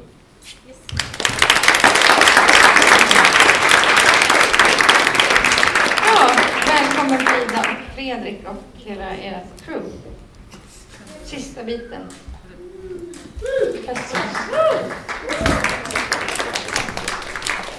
Hej uh, allesammans. Uh, uh, jag heter Fredrik Svensk och är chefredaktör tillsammans med Cinciana Ravini för den här tidskriften Paletten som vi har jobbat med sedan 2011. Och eh, det är en tidskrift som startades 1940 så det är en lite sån gammal tidskrift som vi försöker att göra någonting med som vi tycker känns viktigt. Och utgångspunkten för vårt projekt har varit att försöka förstå vilka olika typer av funktioner som, som, som konsten, det moderna borgerliga konstbegreppet har haft i vad vi brukar kalla då den koloniala och kapitalistiska moderniteten. Och vad vi menar med det är typ att vi har försökt att tänka konst som en gränsdragande praktik som är lika viktig som andra gränsdragande praktiker som handlar om klass, kön, ras, sexualitet etc. etc. Alltså försöka tänka konsten som en gräns som är integrerad i andra gränser, inte som en, någonting som är externt de gränsdragningspraktiker som vi fortfarande på något vis underställer oss. Ehm, både när vi försöker förändra dem och när vi eh, känner att vi vill eh, cementera dem eller accelerera dem. Och ehm, det betyder att vi både eh, försöker förstå den filosofiska bakgrunden till det som kommer att bli det västerländska borgerliga konstbegreppet. Och därför gav ju ut den här boken och sen Olof Wallenstein han tittade då på, på den filosofiska förhistorien till det som kommer att bli det västerländska konstbegreppet. Samtidigt som vi har eh, väldigt mycket bidrag i paletten som eh, försöker artikulera på olika sätt eh, genom konst och genom olika typer av konstkritisk praktik eh, Eh, hur vi eventuellt kan, inte bara förstå, men kanske också förändra den, den dynamik som, som, som i dagens kanske politiska situation är, är extra eh, angelägen för, för, i alla fall för oss. eh, och en av de här utgångspunkterna som Valle pratade om kring det här, vad han kallar schackbrädet, så kan prata om ifall det, ifall det är en bra metafor, men när han pratar om uppfinningen av historien, uppfinningen av konstnären, uppfinningen av konstbetraktaren, uppfinningen av galleristen, uppfinningen av museet, uppfinningen av samlaren. Hur alla de här uppfinningarna tillsammans bildar en form av mm, en form av system där, där vi i det, det här numret tittar lite närmare på frågan om konstkritiken, det vill säga idén om en position som försöker skapa mening i relation till konstverk. Och eh, det vi var intresserade av det är liksom två idéer om konstkritik. Dels idén om konstkritik som, som en form av jämlikhetspraktik. Eh, som, en, som, en, som en uppfinning av en, en praktik som, som ingen riktigt vet hur den ska utföras. Som, som, eh, och därför tas, kan ta sig väldigt, väldigt olika former. Alltså en, en praktik som, som historiskt sett har, har eh, liksom saknat tydliga måttstockar. Eh, men som har fått måttstockar såklart genom olika eh, mm, genrer i olika offentliga eh, publikationer och sådär. Eh, men att det har funnits en idé om jämlikhet i konstkritiken som fortfarande liksom på något vis är traderad i, i, i, för oss som inte kommer från några konstmiljöer och så här, alltså svårt för konstinstitutioner rent kroppsligt kanske, att det, att det är någonting att vi, vi kan bli förbannade när vi inte fattar konst. Att vi tror att vi tycker att vi ska ha tillgång till det. Uh, att det är som om någon annan förstår konst. Det, det är hela tiden som någon annan tycks ha tillgång till det här. Att det är någonting med konst som inte till exempel finns alls lika mycket inom olika vetenskapliga discipliner. Och den, den typ av impuls är någonting som, som, som vi har intresserat oss för. Den andra, den, den andra frågan har, har handlat om lite grann om frågan om reproduktion och tanken om eh, en amerikansk konst, konstkritiker som heter Lucy Lippard hittade på en idé om att konstkritik är en form av... när Hon hade skrivit några år för en tidskrift som heter Artforum, så sa hon jag orkar inte skriva på Artforum längre för att jag vill bara köpa min kärlek. Hon jämförde liksom konstkritikerns arbete, alltså den professionella konstkritiken, inte tanken om att alla är konstkritiker här, utan professionella konstkritiker, någon som säljer kärlek och skapar genier genom sin kärlek. Så hon försökte lösa det här problemet genom att jag skriver bara om det jag älskar, då är jag inte prostituerad. Eh, den här, den här distinktionen genom, inom kapitalismen genom att göra någonting man, man tror sig vilja själv och den, den, den att, att någon köper ens kärlek eh, kanske inte är lika lätt att, att, eh, att upprätthålla då. Eh, så vi började den redaktionella, den redaktionella liksom, diskussionen kring den här typen av problem med den här typen av figur. Liksom, att, att, att, eh, va, va, hur ska vi egentligen förstå, förstå, när vi tittade på dagens typ av konstkritik, när det tycktes finnas en slags extrem fortfarande märklig relation till idén om det nya till exempel. Vi läste mycket konstkritik som konstkritiker tyckte att de blev besvikna när de inte blev överraskade. De tyckte att de redan hade sett allting. Och de tyckte att, eh, att de på något vis inte blev underhållna med någonting nytt. De tyckte att det, saker och ting var så kallat politiskt korrekt och sådär. Och vad är det, vad, vad, hur kan vi förstå den relationen från ett kolonialt och ett kapitalistiskt perspektiv? Vad är det för impuls som tvingar fram den typen av krav på konsten? Och vad finns det för möjligheter i den impulsen och vad finns det för konserverande drag? Ehm, så i det här numret då, vid sidan av den här historiska intresset vi har, så har vi då en rad eh, exempel, på konstnärliga praktiker och konstkritiska interventioner som, som artikulerar eh, de här frågorna kring, kring konstkritik och kring, eh, mm, kring konstnärlig praktik i den situation som vi befinner oss i idag. Och det här är ett nummer som jag har gjort tillsammans med Frida Sandström som är här, som är med i redaktionen. Och eh, Andrea Forsaker sitter där, hon är också med. i redaktionen och vi är framförallt en Göteborgsbaserad tidskrift. Men eh, det var det jag tänkte säga om konstkritik och det här numret så ska jag lämna över dig, till dig Frida. Yes. Jag heter Frida Sandström och jag har varit med i Palettens redaktion sedan 2015. Um, ehm, och vi ska hålla det kort för att vi har två medverkande med här och en som inte är med, men som vi kommer få ta del av ändå. Eh, så jag kommer läsa och berätta lite kort, som Fredrik förklarade ganska tydligt, om vad ska man säga, historien till att det här intresset alltid har funnits hos palett, eller i Palettens redaktionella eh, arbete, men eh, att vi nu vill låta det ta, få större plats, som också som ett svar mot en, en tid där konstkritiken som vi tar del av kanske är den mest dominerande, det som publiceras i de större kanalerna, um, kan väldigt lätt driva åt andra politiska riktningar än, än de vi, vi i detta rummet kanske delar. Eh, och um, hur offentligheten i sig förskjuts ganska, ganska tyst men eh, och där kan just konstkritiken vara en plats där uttryck som till exempel eh, nedvärderar just bildning eller ehm, eh, teorier kring kolonialismens historia eller queer-teorier eller andra eh, poststrukturalistiska analyser av samhället i stort eh, som tyst men mellan raderna högljutt eh, skriker emot detta och det är någonting som är allt mer högljutt eh, de senaste åren i synnerhet, eller inte i synnerhet i Sverige men vi har i synnerhet noterat i Sverige men det sprider sig över hela västvärlden skulle man kunna säga, eller, eller världen.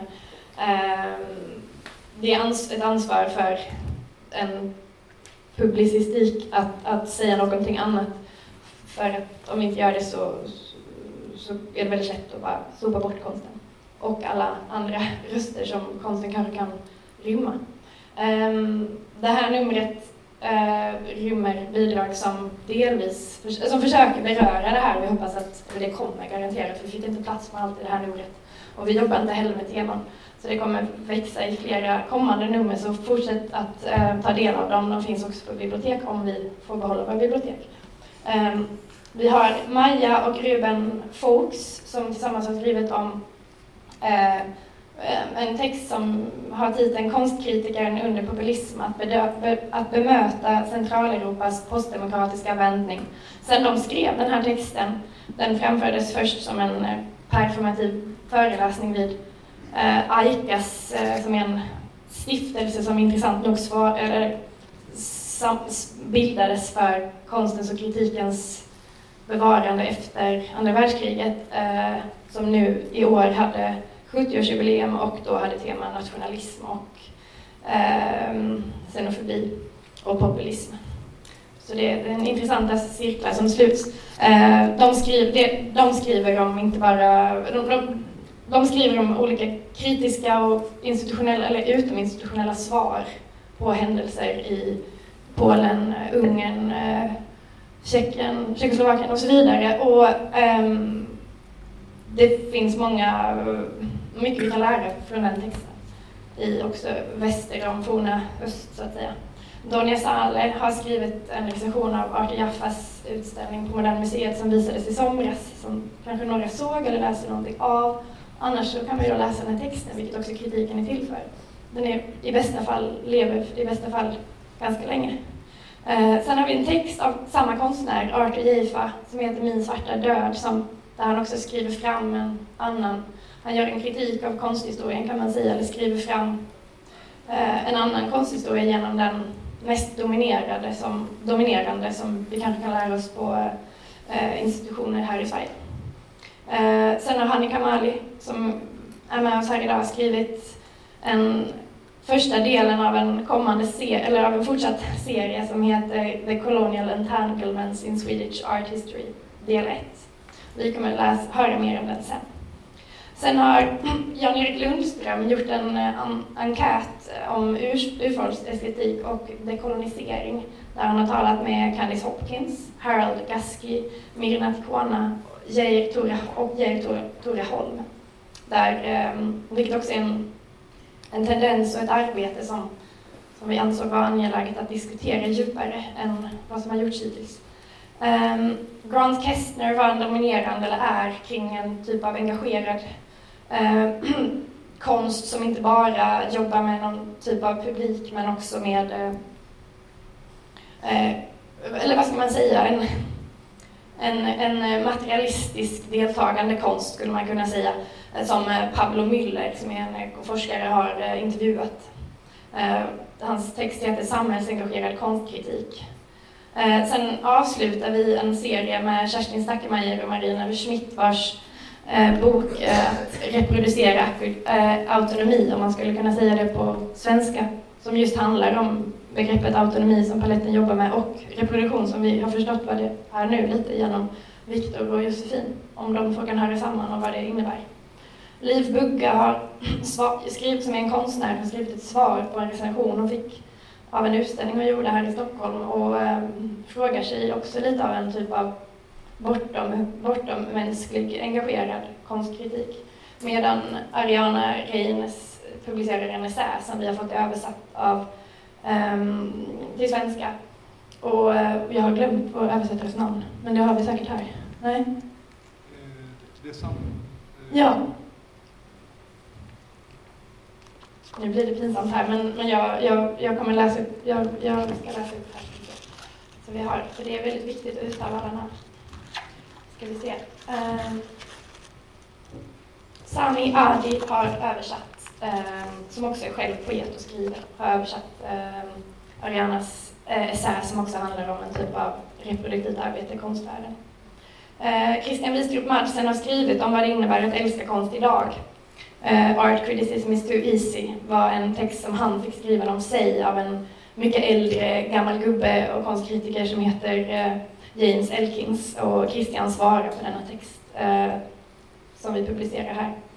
Eh, Alexej Borisjanov har, har, skrivit en eh, text om vad som händer när man försöker återreproducera eller återutöva så kallad östeuropeisk performancekonst i en, en global neoliberal värld och vad som händer då när konsten sätts i den nya kontexten, när den föddes ur en faktiskt socialistisk sådan, eventuellt eh, offentligt begränsad men ändå Um, sen har vi de två sista. Ruby Nilsson ingår i en grupp som heter Eh, Sticky Drama och har skrivit ett eh, hörspel som eh, man kan ta del av live om man har tur när det framförs som en föreställning där man sitter och är publik och lyssnar och tittar på ljud och, och ljus och grejer.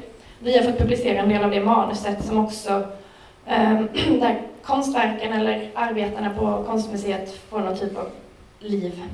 Ehm, och vi kommer också lyssna en del på det här hörspelet i slutet om vi har tid. Och Salad Hilole har gjort eh, en fotoserie som heter Untitled Sarong Museum. Och det är det vi kommer också få, eh, få höra mer om alldeles just nu, så jag lämnar över micken till dig. Eh, så välkommen Salad Hilole och sen kommer vi att eh, få höra lite av Hanni Kamali om hennes arbete och sedan då lyssna på detta hörspel.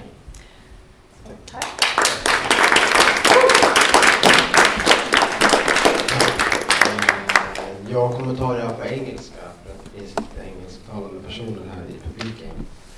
And so I'm going to switch to English and uh, it's not my first language so you guys who speak English, sorry if I'm very very bad so please bear with me. Um, so my name is Aladi Lovle and I'm an artist and um, film director. And um, recently now in my last year in Kungliga Konsthögskolan in Mejan. And I'm um, going to talk first of all my practice and then we're going to get into the exhibition that I did in uh, Konstfack. It's called Home is Where the Heart Is and that's where that started, the Untitled Sunroom Museum. But uh, before we do that, uh, there's always been like, um, for me, I'm just like doing art or film, I always come from like loving art and film. So I'm just going to quote. Um, there was a, recently an interview with David Hamels. Does anyone know who David Hamels is? Yeah. If, if you guys don't know that person, I think that's like one of the best artists in the world. And he made an interview with New York Times, and I'm just going to quote him for uh, for the thing that he said in an interview, like in the 80s. And um, sorry, my phone is so bad. And thank you, Frida and uh, Fredrik, for being part of this. Thank you. I'm just gonna. So I'm gonna start with that, the reading, because I think this quote is so beautiful. Um, so I start from Hamlin said years earlier to Kelly Jones. So this is from the interview from New York Times. Uh, I hate the system. Every black man does. But too much work about racism is redundant. You gotta take your anger and make it beautiful. Like Dr. J going to the hoop or like Duke Ellington. And if you don't know Dr. J, he was super good basketball player and Duke Ellington was a good jazz player. Uh, sorry guys. How are you guys doing by the way? I'm doing good. I'm kind of nervous, but I think I'll fix this as long as the yeah.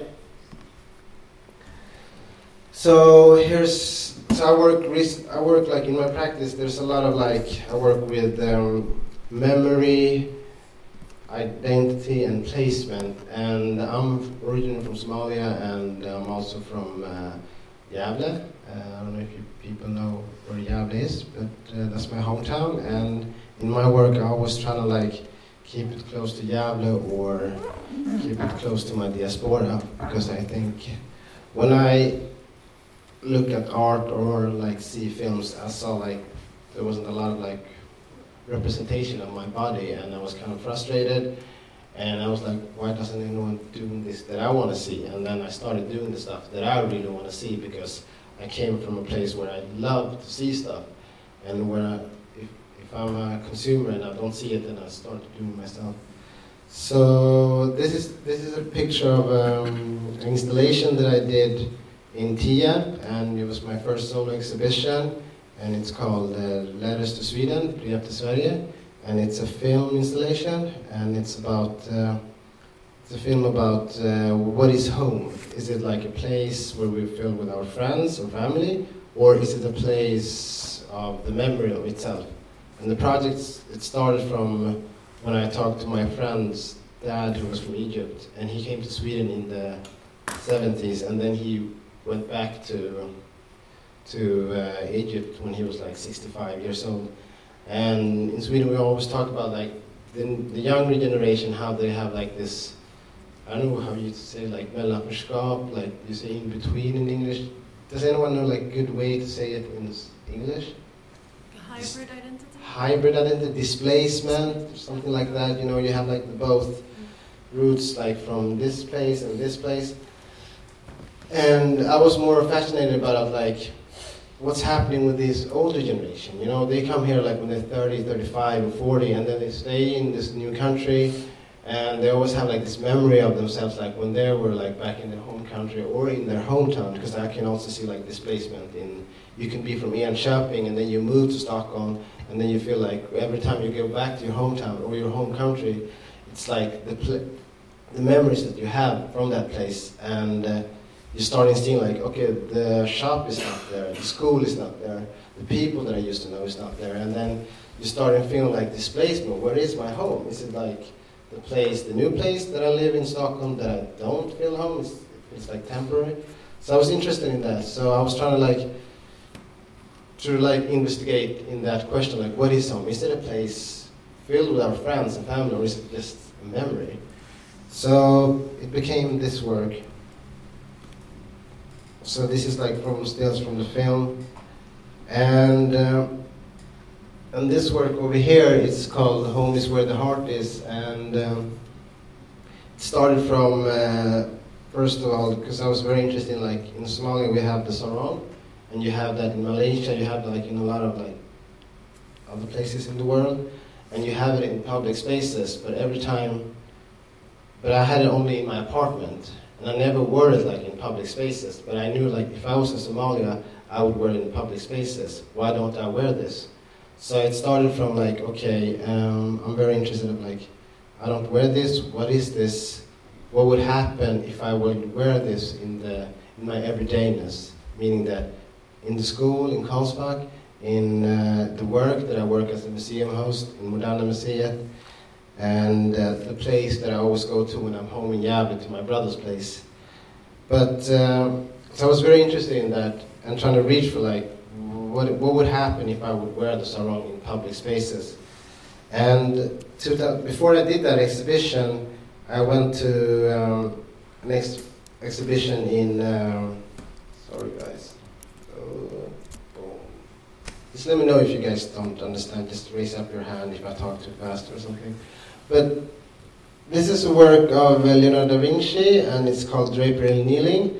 And oh, so this is an exhibition that David Hammonds curated with Charles White, who's a really who was who was a really really good artist, and he was like what do you call like kind of like father for Kerry James Marshall, David Hammond, a lot of like the '60s black artist because he had like school and he had like really like you can also do your art, you know, you can also do like the representative the stuff that you want to see in the art history. And so David Hammonds got approached by a MoMA to do an exhibition close to like Leonardo da Vinci, and he said, if I'm gonna have something close to, to the master Leonardo da Vinci, then it's gonna be Charles White. And uh, so he did this exhibition, and when I got into, sorry.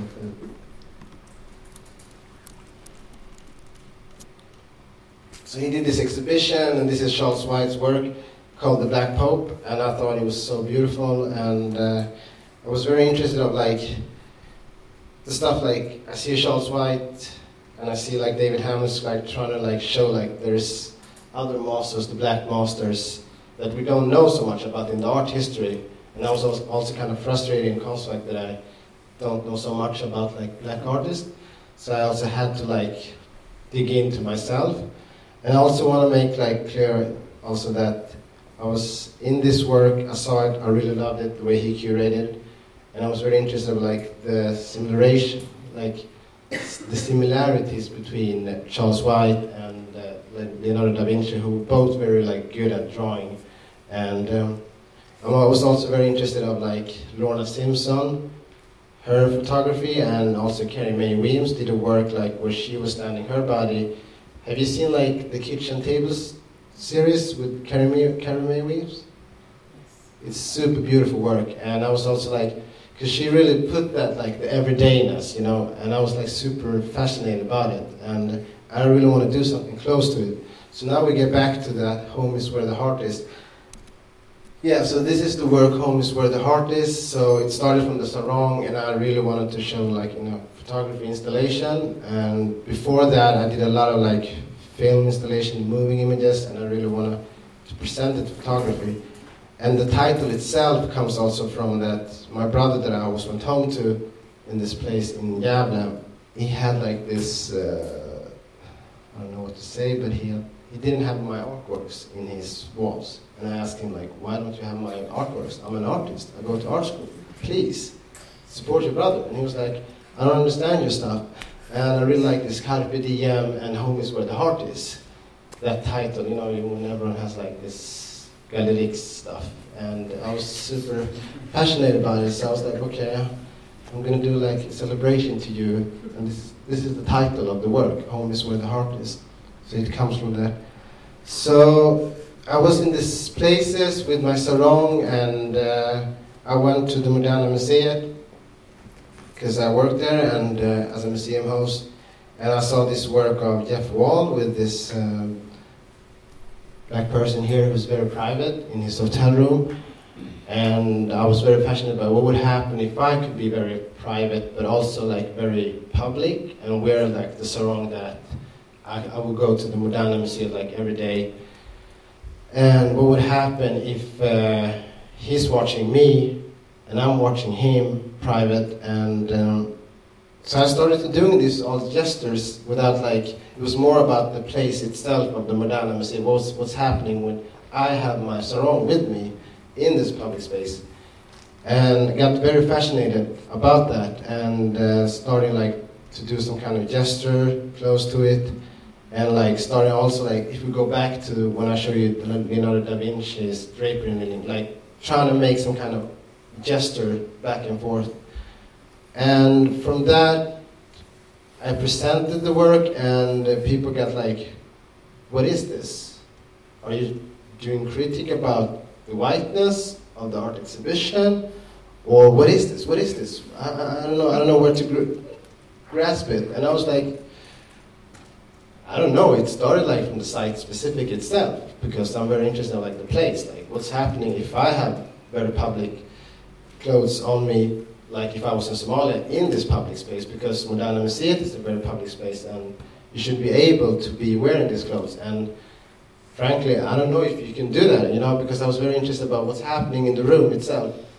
And people started like okay what is it? And I thought that was very interesting. And from that on I basically starting to wearing the sarong and having like some kind of gesture like for example we have in Ulriksdal en minute oh sorry sorry sorry I thought it was going to be like five minutes but no, but I'm just very interested in like the place itself and how can I like activate and also like um, to show like I don't know how to say this in English synliggörande. What would you what would you make make visible make visible like make visible of the art history itself because like in Sweden in Stockholm we have uh, Morianbron for example who's like a sculpture of black people who was from the 18th century. And I started wearing like them wearing the sarongs also.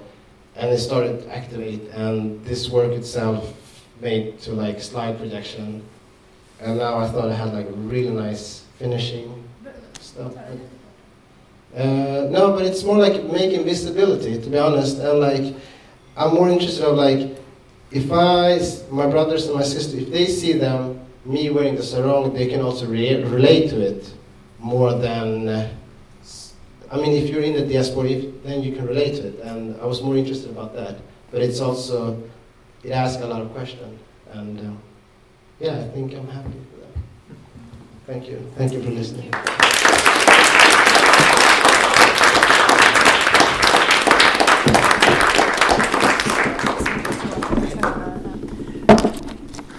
And as you might have seen, um, Salah Hilole's um, picture, one of the works is on the cover of paletten. Ett av bidragen är på omslaget till paletten.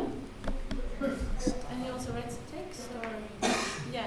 Yeah, we have no, we have only the pictures, but but you have you have also formulated yourself in words, but it's not what we publish at this point. Hanni Kamali, välkommen. Hi. I will also do my, wow, it's very loud. I will also do my talk in, in English. Uh, my text is also in English. So the article is titled The Colonial Entanglements in Swedish Art History, Part 1. Following an interest of mine, a topic from a previous work, I went to Thiel Gallery to see Nietzsche's Death Mask. There I encountered a figure sitting in the hallway next to the stairs. I encountered a sculpture uh, sitting in the hallway next to the stairs. A small sculpture, 90 centimeters tall, titled Lappen by Christian Eriksson. The name of the artist might seem familiar, and in fact, at the entrance of the Royal Library, where I conducted most of the research for my article, I was met with Eriksson's sculptures Skrivande man, writing man, to the left, and Läsande kvinna, uh, reading woman, to the right.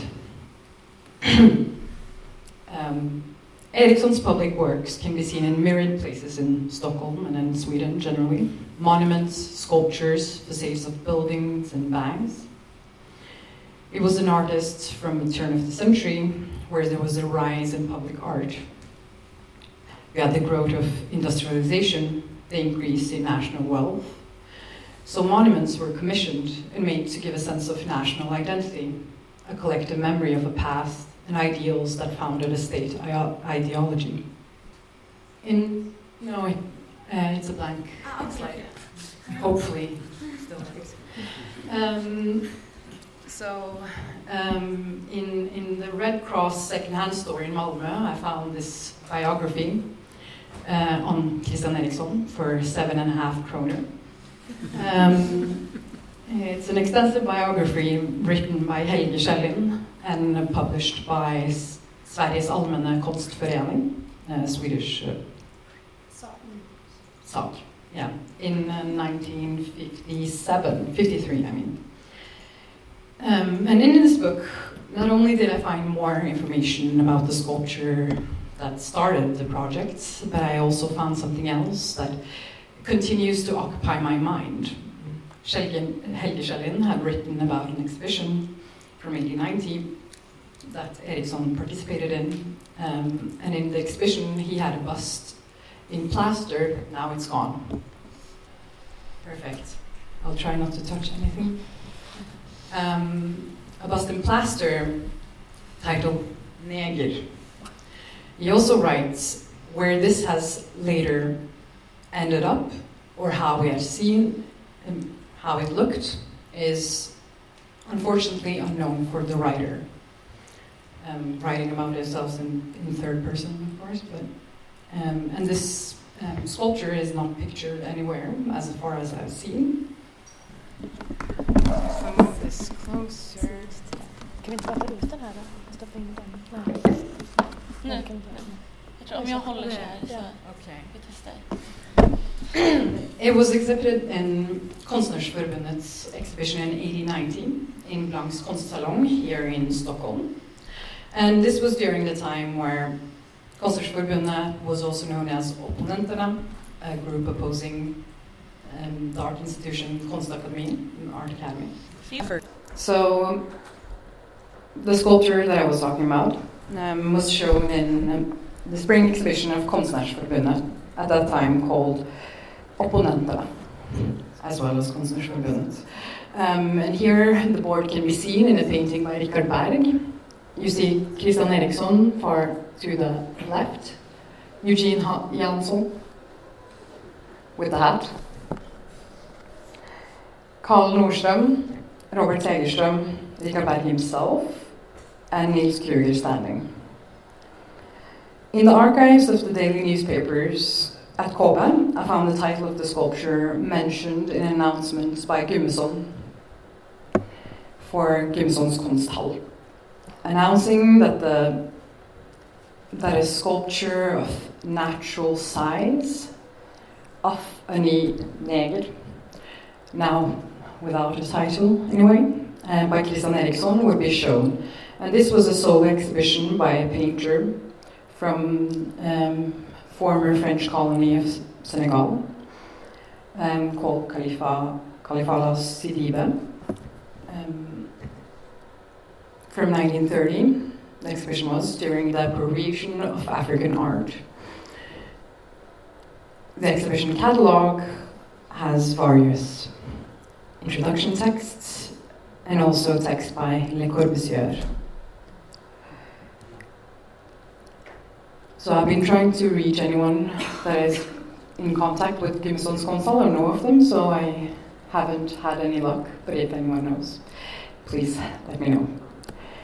In the same biography by Helge Kjellin, um, I found this photo of the artisan process of making lappen, the sculpture that is the focus of this article and this project. The sculpture is mostly known as Sittande lapp, the undertitle of the photograph says Christian Eriksson modeling sittande lapp at uh, Dr. Hjalmar Lundbom's place in Kiruna, photographed by Bormesh. Sitting on the floor next to a dog, Helge Kjellin writes it as a lap dog. As in nature, and also an image that um, Hjalmar Lundbom, the owner of the home, um, supported the idea of lapp ska vara lapp. Lapp should keep as lapp. Meaning that people from, from the north and of Sami origins should stay in their place, keep their traditions, and avoid the temptation of civilization. An exoticism that can be exemplified in what Fanon writes in Racism and Culture the constantly affirmed concern with respecting the culture of the native population, accordingly, does not signify taking into con- consideration the values borne by the culture incarnated by man. Rather, this behavior betrays a de- determination to objectify, to confine, to imprison, to harden. Lundbom was also friends of many artists and other prominent cultural figures, writers, anthropologists, Strindberg, Lundbom himself was the general ma- manager of the mining company LKAB at its early growth and its colonial and industrial expansion. He was also an early developer of the mining town Kiruna. Ericsson with LKAB was even presented, re- even represented Sweden at the World Exhibition in Paris 1900, um, which was essentially an advertisement to attract investors in the mining project that needed the, fi- the financing. He made a model of the pros- prospective mining area in front of a painting by Carl Nordström. Hjalmar Lundbom was also a friend of Herman Lundborg, the founder of the State Institute of Race Biology. He assisted Lundborg in his field trips to the north in studying and measuring the Sami people. Lundbo- Lundbom even helped financing the exhibition Svenska folktypsutställningen, Swedish folk type exhibition, a precursor an exhibition critical in garnering public support to the founding of the State Institute of Race Biology. It was his good friend that you can see here to the right, wearing the fur coat. Mm, the man in the black hat in the middle is Hjalmar Lundbom. Um, it was his good friend, the painter Anders Zorn, that contributed to the critical sum um, that was needed for doing the exhibition. Anders Zorn, who also painted this famous painting, Midsommardans, from 1897. Other artists and culture figures were involved, such as Uno Troili in a painting of a Jewish woman. Here, an image that is also featured in, in, in. Uh, I tried to draw a map of the entanglements between these cultural figures mainly focused on Herman Lundborg, Svenska folktypsutställningen, Christian Eriksson, and Hjalmar Lundbom. Though that was the main focus, many other lines can be drawn, more names can be added. Eriksson's artistic practice became central to this work, but it could be very, very well be any other, such as Albert Engström, uh, who drew um, the pictures in Pythons AB och C lära, a children's book for ABCD, along with many other prominent, prominent artists and figures that were also involved with the State Institute for Race Biology. Another photo that I found in the archives became very important in the process of this work. It's a photo of Herman Lundborg, next to sculptures by Eriksson from Svenska folktypsutställningen. To the left you can see Johan Turin, a Sami writer, and in the middle, next to Herman Lundborg, is um, a sculpture called Lappdräng. Svenska folktypsutställningen was divided in several sections, presenting categorizations such as pure Nordic types, racially mixed, criminals, foreigners, one of these sections were dedicated to the arts, giving an artistic inter- interpretation of these ideas. There's not so many photos of the exhibition as a whole. One of the few here is taken from the art section, peering into the further rooms. Eriksson on each side of the entrance, with the head of Johan Turi to the right, Laptring to the left, and behind him, around the corner, a bust of the composer Hugo Alfvén by Carl Milles. Another important part in writing the article was to me to humanize the figures of the Laps, model after persons that were made anonymous in the versions of the sculptures and the different titles it went by. Sittande Lapp became the seed of this project but the sculpture itself has the name of the model inscripted in the material. Per Kumonen, likely a misspelling. Here in a photo taken by Marie Thuli Holm at Tilska. So who was Per Kumonen? Borgmesh, the photographer and the explorer that took the photo of the work in progress, also took these two photos that can now be found in the archives of the Museum, Ethno- eh, Museum of Ethnography here in Stockholm. The, the, the catalog ca- cards of the work, there is written more information. Kumanen, who that model for Christian Eriksson, Lappgosse, born in Jukkasvari, son of Per Henriksson. There's the second photo with, again, more information. An edition of the sculpture at Kiruna Stadshall bears the plaque, not with Lappen, but with his name, Per Kumoinen.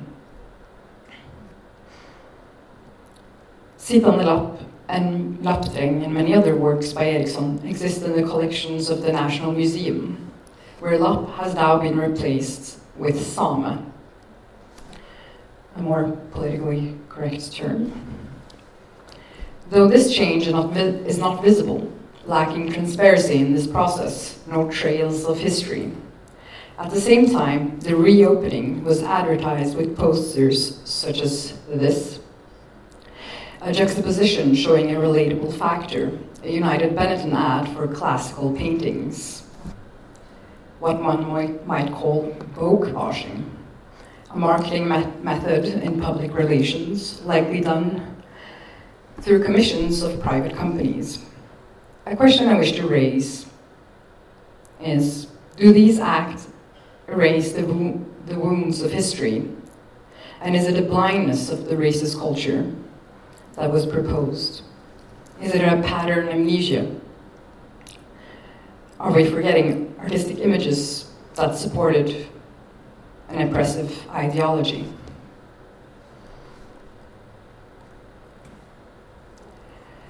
There is a sense of yearning in the seemingly apolitical in art. Art for art's sake, a neutral pleasure. Does the conservative right fights for it or fights against it? Exemplified in the wish to remove the wooden relief, Jamelin's Ande, for its communist elements. There is a sense of yearning. A short anecdote. Not long ago, at a symposium, within a discussion, a participant laid out an argument or an opinion. Art was once, and why can it, can't it be again, made by artists blindfolded, searching blindlessly. There is a sense of yearning to the seemingly apolitical art and pro- protests against what is perceived by some art critics as a forced agenda in exhibition making and curation. It was very visible in the reactions to the article The Blind Spot of Swedish Art World Ex- Exceptionalism by Santiago Mustin, and in the critique that it references.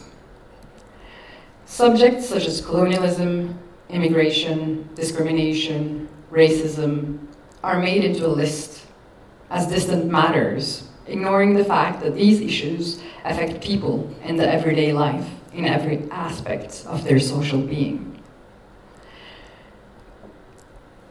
From the Royal Library to the metro station, I pass Nordenstjernehuset, a ship-like building founded by a shipping company that transported coffee from South America to Europe.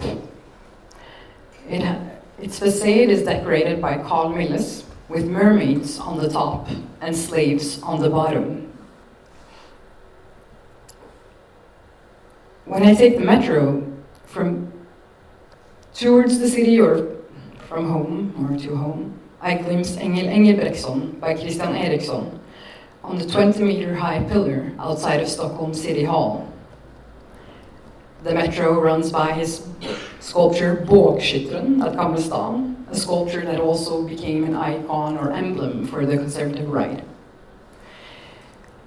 And lastly, to quote Fanon, again from Racism and Culture Racism bloats and disfigures the face of the culture that practices it. Thank you.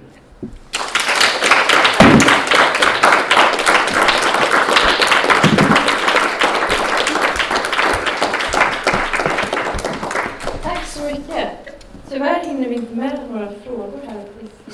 Och ljudfilen som vi skulle spela den kommer upp på Palettens webb istället. Vi hinner inte lyssna på den. Tyvärr inte. Men tack så hemskt för att ni kom. Och det här var som sagt årets sista Salon Marx.